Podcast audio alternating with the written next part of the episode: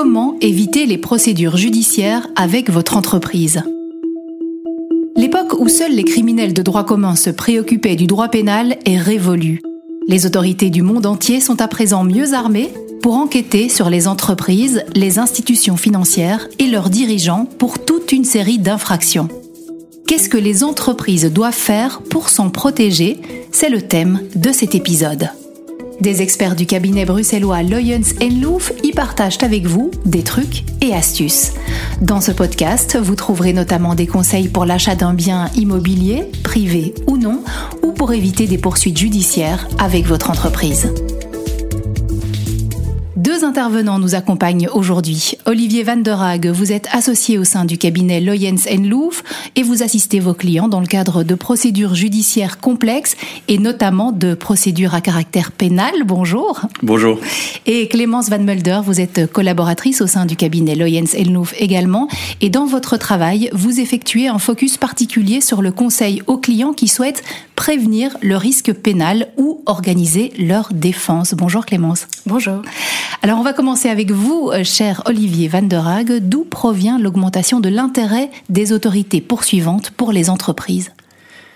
Écoutez, l'intérêt concerne au premier plan les, sociétés qui interviennent comme intermédiaires dans un grand nombre de transactions. C'est ce rôle particulier qui les place dans une position clé pour identifier les, les transactions suspectes ou les comportements atypiques d'un point de vue économique. Et la tendance générale qu'on observe réellement, tant en Belgique qu'en Europe, mais euh, pense que c'est la même chose aussi au niveau international, c'est de faire de, ces intermédiaires quelque part les yeux de Moscou, des autorités poursuivantes, en leur imposant d'identifier leurs clients de manière extrêmement rigoureuse et de rapporter aux autorités les, soupçons qui leur, que leur inspirent certaines transactions ou certains comportements. Comme par exemple?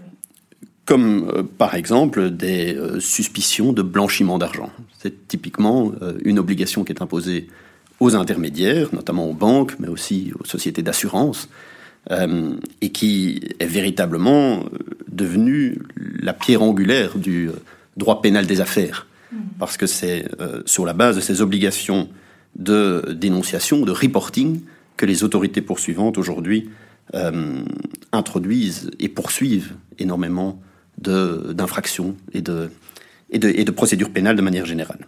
Et une augmentation des, sanctions aussi, du coup. Et une augmentation des sanctions qui, euh, qui va de pair, évidemment, avec cette, euh, avec cette tendance générale.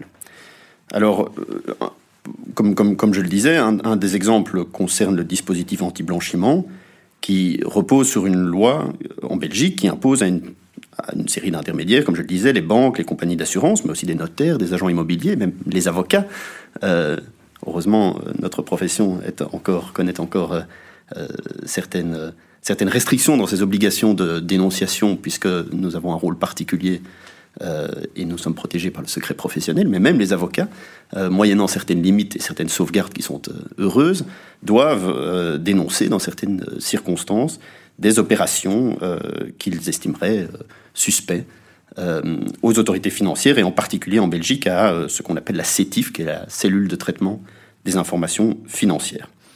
Alors dans le même esprit, on a parlé de blanchiment, mais il y a aussi la directive euh, dite euh, DAC 6 qui, elle, ne concerne pas le blanchiment en tant que tel, mais qui impose, euh, et qui va même d'ailleurs plus loin sur certains aspects, puisqu'elle impose à ces mêmes intermédiaires, ou à la plupart de ces intermédiaires, de déclarer aux autorités compétentes, non pas les soupçons de blanchiment, mais des opérations fiscales transfrontalières qui seraient considérées comme agressives. Donc, euh, indépendamment, indépendamment de euh, tout problème lié à leur légalité. Mm-hmm. Euh, ben, ce sont des, transactions dont on estimerait que, ou des structurations dont on estimerait que elles sont mises en place pour éviter un maximum de payer l'impôt, et même si c'est légal, c'est un évitement de l'impôt qui est considéré comme légal, ça peut être vu comme agressif et du coup obliger les, euh, les différents intermédiaires qui sont soumis à cette directive à devoir euh, opérer des, des, dénonciations dans le cadre strict, évidemment, de la loi. Euh, et la loi belge a notamment transposé cette, cette fameuse directive en droit belge. Mhm. Et, et, on observe aussi chez vos clients ben, un intérêt croissant aussi pour la prévention, justement, et l'appréhension du risque pénal. Évidemment, et c'est particulièrement important pour des grands groupes, des grands groupes des, multinationales, par exemple, qui doivent organiser des régimes de prévention et qui doivent le faire aussi à, l'échelle européenne, parfois internationale et globale. Et c'est un des grands défis, c'est justement d'avoir des politiques de prévention au sein de ces grands groupes et au sein de ces grandes entreprises qui soient suffisamment uniformisées euh, pour pouvoir justement répondre à l'échelle globale dans laquelle interviennent ces groupes, euh, mais qui respectent aussi la législation qui est encore euh, très souvent une législation au niveau national qui connaît quand même encore certaines divergences entre les pays. Mmh. alors Clémence Van Mulder, quels sont les résultats du dispositif de prévention de la criminalité financière? Alors, ce sont évidemment des résultats qui sont difficiles à appréhender, mais euh, il y a certainement beaucoup d'informations à trouver dans le rapport annuel de la cellule de traitement des informations financières, hein, la, CETIF, cet organisme qui reçoit les déclarations de soupçons qui sont adressées par ces intermédiaires euh, euh, financiers. Et ce rapport permet de se rendre compte d'une part que ces intermédiaires respectent manifestement bien ces obligations, puisque au cours de l'année 2020, la CETIF a reçu 31 000, un peu plus de 31 000 déclarations de la part de tous ces intermédiaires financiers, en particulier, dans une grande majorité des cas, de la part de banques. Donc ça, ça fonctionne. Et puis la CETIF doit traiter toutes ces, déclarations qu'elle reçoit, ce qui représente un travail colossal, hein, puisqu'il faut imaginer que c'est environ 86 euh, déclarations par jour à traiter, à examiner, et puis la CETIF doit faire un choix de transmettre ces déclarations ou pas au parquet, de dénoncer les faits au parquet ou à d'autres autorités poursuivantes, je pense à l'auditorat du travail pour ce qui concerne euh, des, infractions, euh, par exemple, de, liées à de la fraude sociale. Et euh, le nombre de dossiers qui sont transférés parmi les 31 000 déclarations représente un, nombre de 1600. À peu près 1600 déclarations sont transmises aux autorités poursuivantes. Y a un très gros écrémage qui est fait par la CETIF. Est-ce que véritablement cet, euh, cet écrémage vient du fait que la CETIF euh, sélectionne, prend connaissance de toutes ces déclarations et sélectionne les plus problématiques, ou bien est-ce qu'il vient du fait que la CETIF n'a pas le temps de les traiter toutes Ça, on, l'ignore et c'est un c'est évidemment déterminant pour déterminer à quel point euh, le dispositif est, euh, est, est, utile.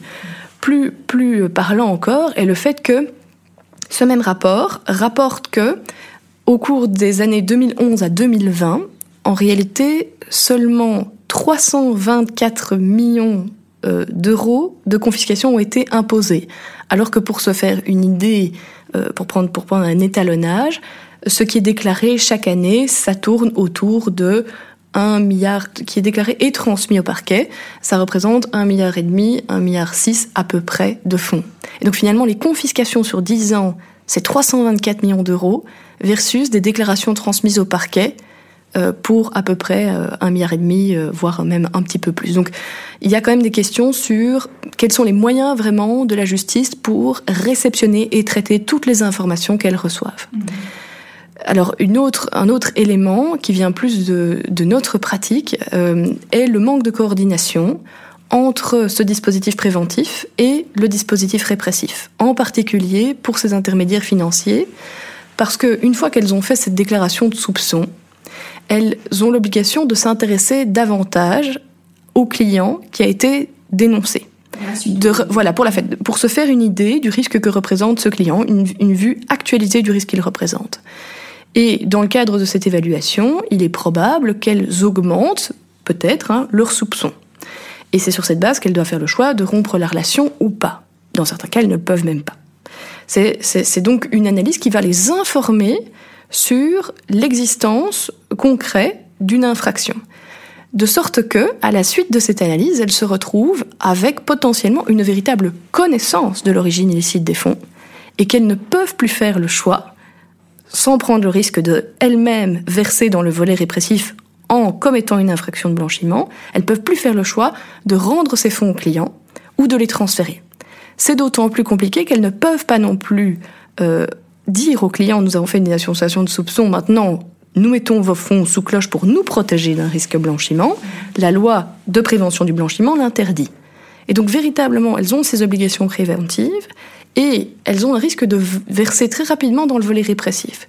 Il y a là un entre-deux qui met les intermédiaires financiers face à, des situations véritablement cornéliennes qui, qui systématiquement appellent des solutions qui sont artisanales et liées au, cas très précis dans lequel on se retrouve. Mmh. Sur ce plan-là, le dispositif est clairement imparfait. Et, qu'est-ce qu'il y aurait comme solution moins artisanale? Mais Une solution qu'on pourrait envisager est euh, une sorte de bouclier hein, euh, pénal qui consisterait à dire, à partir du moment où l'entreprise euh, a réalisé la déclaration de soupçon, elle ne peut pas euh, tomber dans le volet répressif, elle ne peut pas, euh, elle ne peut pas euh, être être tenue responsable d'une infraction de blanchiment. Évidemment, on, va avoir le risque que certaines certaines entreprises fassent la déclaration de soupçon puis immédiatement transfèrent les fonds pour s'en débarrasser, ce qui nuira à la répression. Peut-être qu'une solution intermédiaire serait de dire, et ça existe déjà dans une certaine forme, et à nouveau c'est imparfait, je ne vais pas rentrer dans trop de détails, mais la solution pourrait être de dire, si le parquet ne saisit pas les fonds dans un certain délai, en tout état de cause, l'entreprise ne pourra pas être tenue responsable sur le plan pénal. Voilà, je pense que là-dessus, il y a des progrès à faire. Sans doute, oui. Alors, euh, comment le Covid a impacté la prévention du risque pénal au sein de l'entreprise? Alors en fait, le Covid n'a pas fait naître tellement de nouvelles formes de criminalité. Par contre, il a accéléré euh, certaines formes de criminalité bien connues, notamment l'escroquerie euh, en ligne, c'est-à-dire la cybercriminalité. Ça, c'est véritablement une infraction euh, qui a été très intense, avec pour les entreprises la manifestation de fraude du type phishing, ce qui consiste à récupérer les données d'une entreprise en ligne et à utiliser ces données bancaires pour faire des achats en ligne. Et alors la fraude au président est aussi quelque chose qui a été observé régulièrement pendant la période de la crise sanitaire. Ça consiste à ce que un employé au sein d'une société soit repéré par un escroc comme étant l'employé qui dispose euh, d'un contrôle sur les moyens financiers de la société. Cet employé est visé pour cette qualité-là, et il reçoit un appel particulièrement pressant de la part d'un escroc qui prétend être euh, quelqu'un du haut de la hiérarchie de la société, quelqu'un du top management qui va prendre prétexte de la situation de désorganisation du travail pour demander de manière très pressante un versement sur un compte inconnu pour des sommes très inconnues en rassurant la personne. Compte tenu du fait que le travailleur se retrouve extrait de son environnement de travail habituel, euh, il, il, a peut-être un petit défaut d'esprit critique à ce moment-là. Tout est désorganisé, ça paraît crédible et euh, les fonds partent. Et ça, c'est quelque chose qui, qui s'est vraiment intensifié pendant la crise sanitaire.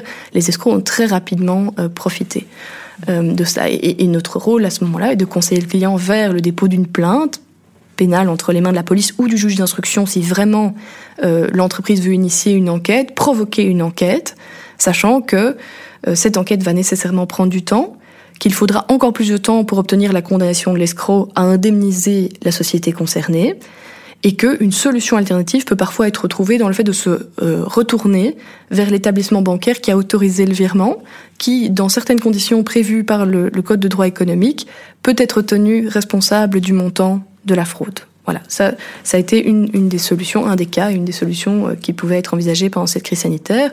Autres exemples, beaucoup de fraude sociale a été observée par, par la CETIF. Et alors la CETIF rapporte aussi, ça c'est pas mon expérience, c'est ce que j'ai pu lire dans le rapport de la CETIF, qu'il existait davantage euh, d'escroqueries portant sur les, les, produits sanitaires, les gels sanitaires, les masques, les, respirateurs qui étaient vendus en ligne et puis finalement l'argent était versé sans jamais obtenir la contrepartie. Ça, c'est, on, pouvait l'imaginer. Clémence Valmulder, comment une entreprise peut-elle se préparer à appréhender le risque pénal? Alors je pense qu'il y a trois volets. Il y a un premier volet euh, qui est le volet véritablement préventif, éviter les comportements pénaux au sein de l'entreprise. Ça consiste en euh, l'élaboration et l'implémentation effective dans la société de politiques qui visent à empêcher euh, la perpétration de ce type de comportement. Par exemple, des politiques dites AML, anti-money laundering, prévention du blanchiment, mais également des, des, politiques visant à empêcher la corruption au sein de l'entreprise ou vis-à-vis des autres acteurs. C'est un premier volet. Après, il faut également que l'entreprise se prépare à être la cible de mesures d'enquête. Peut-être parce qu'elle est impliquée dans cette enquête, peut-être parce que simplement elle détient des informations qui seront précieuses pour une enquête sans pour autant devoir à aucun moment être soupçonnée. Elle doit donc s'attendre à un jour peut-être faire l'objet d'une perquisition, à un jour peut-être être entendue à travers ses représentants ou ses employés. Et puis finalement, elle doit aussi s'attendre peut-être un jour à déployer une défense pénale, euh, dans le cas où elle serait visée par une enquête et renvoyée au correctionnel. Et à ce moment-là, il faudra démontrer, ce sera très important, que euh, les politiques internes existaient, qu'elles ont été correctement appliquées, ce qui peut se montrer à travers euh, des rapports d'audit interne, ce sont des documents très précieux, et démontrer également qu'elles disposaient, par exemple, d'une chaîne de délégation effective au sein de l'entreprise, démontrer qu'il y avait suffisamment de personnes pour traiter le travail euh, et pour traiter le risque pénal, et que euh, cette, cette chaîne de délégation permettait de faire remonter l'information correctement vers les entités dirigeantes, vers les corps dirigeants de la société. Mmh. Olivier Van der Haag, certaines enquêtes et certains procès sont particulièrement médiatisés. Est-ce une donnée dont vous tenez compte? Évidemment, c'est euh, une bonne question. C'est euh, extrêmement important, euh, notamment pour des, pour des sociétés, pour des groupes. et vous avez raison de pointer le fait qu'à la fois les procédures judiciaires, en ce compris pénales, sont souvent médiatisées, mais l'enquête en tant que telle, même au niveau et au stade de l'instruction, fait souvent l'objet de commentaires dans les médias. Et c'est un véritable paradoxe euh, dont nous devons tenir compte dans le cadre de la, défense de nos, clients et de, ces, et de ces groupes en particulier, de ces sociétés. Euh, parce que, euh, d'une part, il y a un principe cardinal qui est le secret de l'instruction, et les avocats y sont évidemment tenus, mais également les sociétés impliquées dans le cadre d'instruction judiciaire, mais cela n'empêche pas, et le secret de l'instruction n'empêche pas, et on le voit très régulièrement en Belgique, le parquet de communiquer à propos des instructions en cours et à propos des enquêtes. Et donc ça conduit très souvent des sociétés qui sont impliquées dans le cadre de ces enquêtes et de ces instructions à devoir trouver un juste milieu entre euh, ne rien dire du tout pour être certain de respecter euh, le, sacro-saint secret de l'instruction, et d'un autre côté devoir répondre à des communications médiatiques euh, ce qui exige parfois de devoir faire euh, notamment des communiqués de presse euh, pour réagir face à ce que la presse peut, peut écrire et, il y a parfois un emballement médiatique.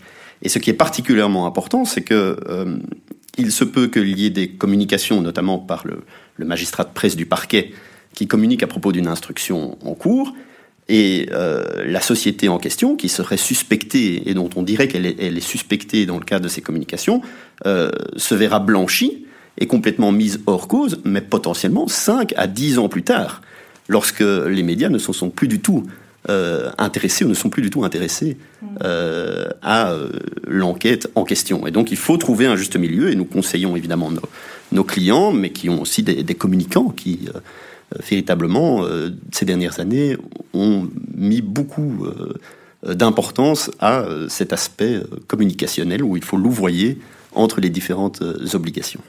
Alors, est-ce qu'il y a des challenges additionnels pour les entreprises internationales? Oui, alors on, en parlait précédemment. Un des challenges pour les groupes qui interviennent au niveau international, mais c'est d'avoir des, politiques de prévention, hein, comme celle dont, dont dont, Clémence parlait à l'instant, qui soit, suffisamment uniformisé euh, à l'échelle du groupe. Et ça va même plus loin parce qu'on voit que certaines législations nationales, dont la loi belge euh, qui, vise à, prévenir le blanchiment, imposent à certains groupes, dont la, maison mère est par exemple située en Belgique, euh, également de respecter toute une série de normes par ses filiales, en ce compris des filiales qui se situent à l'étranger. Et, la loi belge a, sur certains aspects, du coup, euh, euh, un, potentiel qui est extraterritorial ou international. Et donc, évidemment, il faut que ces grands groupes en tiennent compte. Et heureusement, on voit que ces dernières années, c'est véritablement quelque chose qui est à l'agenda, si je peux m'exprimer ainsi, euh, des sociétés multinationales. Et, quel est le rôle alors de l'avocat? Pour en venir à vous, euh, l'avocat qui assiste l'entreprise confrontée au risque pénal Alors, euh, l'avocat aujourd'hui qui gère ce type de, de, procédure et gère la défense de sociétés impliquées dans ce, dans ce type de procédure, et ça peut être des sociétés qui sont impliquées en tant que, en tant que suspect euh, euh, d'avoir commis des infractions, d'avoir participé à la commission d'infractions, mais ça peut aussi être évidemment euh, des sociétés qui sont parties civiles, qui sont victimes de toute une série d'infractions, notamment les infractions d'escroquerie dont, dont Clémence parlait. Et le rôle de l'avocat dans ce type particulier de procédure a fortement changé ces dernières années. C'est-à-dire qu'il y a il y a 20 ans, il y a, euh, il, y a 30 ans et 20 ans, c'était très souvent des avocats qui faisaient uniquement du droit pénal et on avait recours à, ces avocats spécialisés en matière pénale. Aujourd'hui, on voit que vu la, au, vu de la complexité, notamment des aspects fiscaux, des aspects euh, de droit comptable, euh, parfois même des aspects de droit environnemental, puisqu'il y a de la législation pénale en matière environnementale, on a besoin d'équipes de spécialistes qui connaissent chacune de ces matières. Euh, et donc on voit que euh, les grands groupes de nouveau et les grandes sociétés font aujourd'hui de plus en plus appel à euh, des avocats qui, ou à des cabinets d'avocats qui peuvent offrir une défense multidisciplinaire, avec des spécialistes de l'ensemble de ces matières qui travaillent ensemble, ce que nous faisons notamment dans notre cabinet. Oui, et alors comment est-ce que les responsabilités pénales des personnes morales et des personnes physiques se, distinguent? Comment les départage-t-on? Alors ça, c'est une question euh, très importante et, technique, euh, mais qui a fait l'objet d'évolutions, euh, notamment en Belgique, et en particulier d'ailleurs en droit belge. en Belgique, il faut savoir que c'est depuis 1999 que les personnes morales, les sociétés de droit belge peuvent être condamnées pénalement en tant que personnes morales. Alors, dans un premier temps, le législateur belge avait mis en place un système qu'on appelle le système de décumul, qui consistait à devoir choisir, dans la majorité des cas, pour les autorités répressives, entre la personne morale ou la personne physique, c'est-à-dire généralement les administrateurs ou les gérants, euh, qui, qui, avaient commis l'infraction. Et le choix se, se, faisait de la manière suivante, il fallait déterminer, dans la majorité des cas, qui avait commis l'infraction considérée comme la plus importante. Euh, ce système a tout à fait changé euh, en 2018 parce qu'il conduisait à une jurisprudence particulièrement complexe et relativement incertaine, qui euh, charriait une insécurité juridique assez importante. Et donc depuis 2018, on est revenu à un système qui est un système plus classique et qui existe dans d'autres pays européens et qui consiste à pouvoir, pour les autorités poursuivantes, poursuivre tant la personne morale que les administrateurs, avec à chaque fois le critère qui est un critère essentiel en matière pénale, qui est de savoir où se situe l'intention frauduleuse Se situe-t-elle au niveau des administrateurs, des gérants Sont-ils personnellement responsables Avaient-ils personnellement l'intention frauduleuse Ou ont-ils personnellement participé à la commission d'une infraction euh, Ou est-ce plutôt au niveau de la société? Et pour examiner euh, justement la mauvaise foi euh, ou l'intention dans le chef d'une société, c'est particulièrement compliqué, mais pour cela, euh, il y a toute une série de critères, et notamment euh, quelles sont les politiques qui ont été mises en place, et dans quelle mesure est-ce que c'est un système organisé au niveau de la société qui a conduit à la commission d'une infraction. C'est complexe, hein, et bien évidemment. Euh, Clémence Van Mulder, nous sommes à l'été 2021. Quelles sont les grandes évolutions auxquelles vous vous préparez justement au cours de cet été? Alors, il y en a certainement trois. La première, c'est euh, l'arrivée sur euh, la scène euh, du, pénal du parquet européen. C'est un nouvel acteur qui est opérationnel depuis ce mois de juin et qui fera donc sa première rentrée judiciaire en, septembre. c'est un acteur qui est destiné à poursuivre les infractions liées ou les infractions qui porteraient atteinte aux intérêts financiers de l'Union européenne et qui va travailler avec un bureau central et différents euh, parquets, euh, les parquets nationaux en fait des États membres qui participent à cette initiative euh, et qui va donc s'appuyer sur les dispositifs nationaux tout en étant central. Ce sera vraiment intéressant de voir comment il va travailler avec les différents États membres et puis comment il va également travailler avec d'autres entités européennes qui ont d'autres missions de poursuite. Par exemple, je pense à, à l'OLAF, je pense à Eurojust, à Europol, à toutes ces entités européennes qui déploient un dispositif pénal également. Euh, une deuxième évolution très intéressante est que euh, d'ici à la fin de cette année 2021, le 17 décembre pour être exact, les entreprises euh, de toute l'Union européenne devront mettre en place une politique dite de whistleblowing, c'est-à-dire de lanceur d'alerte. C'est une initiative qui vient d'une directive européenne qui doit donc être implémentée dans le délai que je viens de donner Pour l'instant, le législateur belge n'a pas pris d'initiative, n'a pas encore pris une loi belge pour implémenter la directive, de sorte que les entreprises belges ne savent pas encore très bien sur quel pied danser, mais doivent certainement s'y préparer. Et nous monitorons la situation pour être au plus proche de nos clients quand elles devront être euh, sur la balle. Et puis finalement, il y a toujours un projet pendant le Parlement de refonte profonde du code pénal et du code de procédure pénale qui viendra certainement bousculer les choses pour les entreprises aussi, notamment sur le plan des sanctions. On va avoir un système tout à fait différent avec euh, de plus en plus de sanctions financières adaptées aux entreprises, euh, avec aussi des, sanctions accessoires, par exemple euh, l'impossibilité de participer à des marchés publics enfin, ce sera une sanction en tant que telle qui sera appliquée donc de plus en plus souvent. Elle existe, mais pas de manière aussi généralisée. Ça aussi, ça fait partie des évolutions qu'on va suivre de très près euh, cet été et dans l'année à venir. Mmh. Alors, en conclusion, peut-être, euh, en tant que chef d'entreprise, que dois-je prendre en compte d'un point de vue juridique ou technique pour ne pas avoir de soucis? Alors, je pense que la, la première chose à prendre en compte, c'est est-ce que j'ai des obligations préventive. On l'a dit, très important, parce que à ces obligations préventives en elles-mêmes sont attachées des sanctions. Donc on peut être sanctionné pour pas les avoir respectées.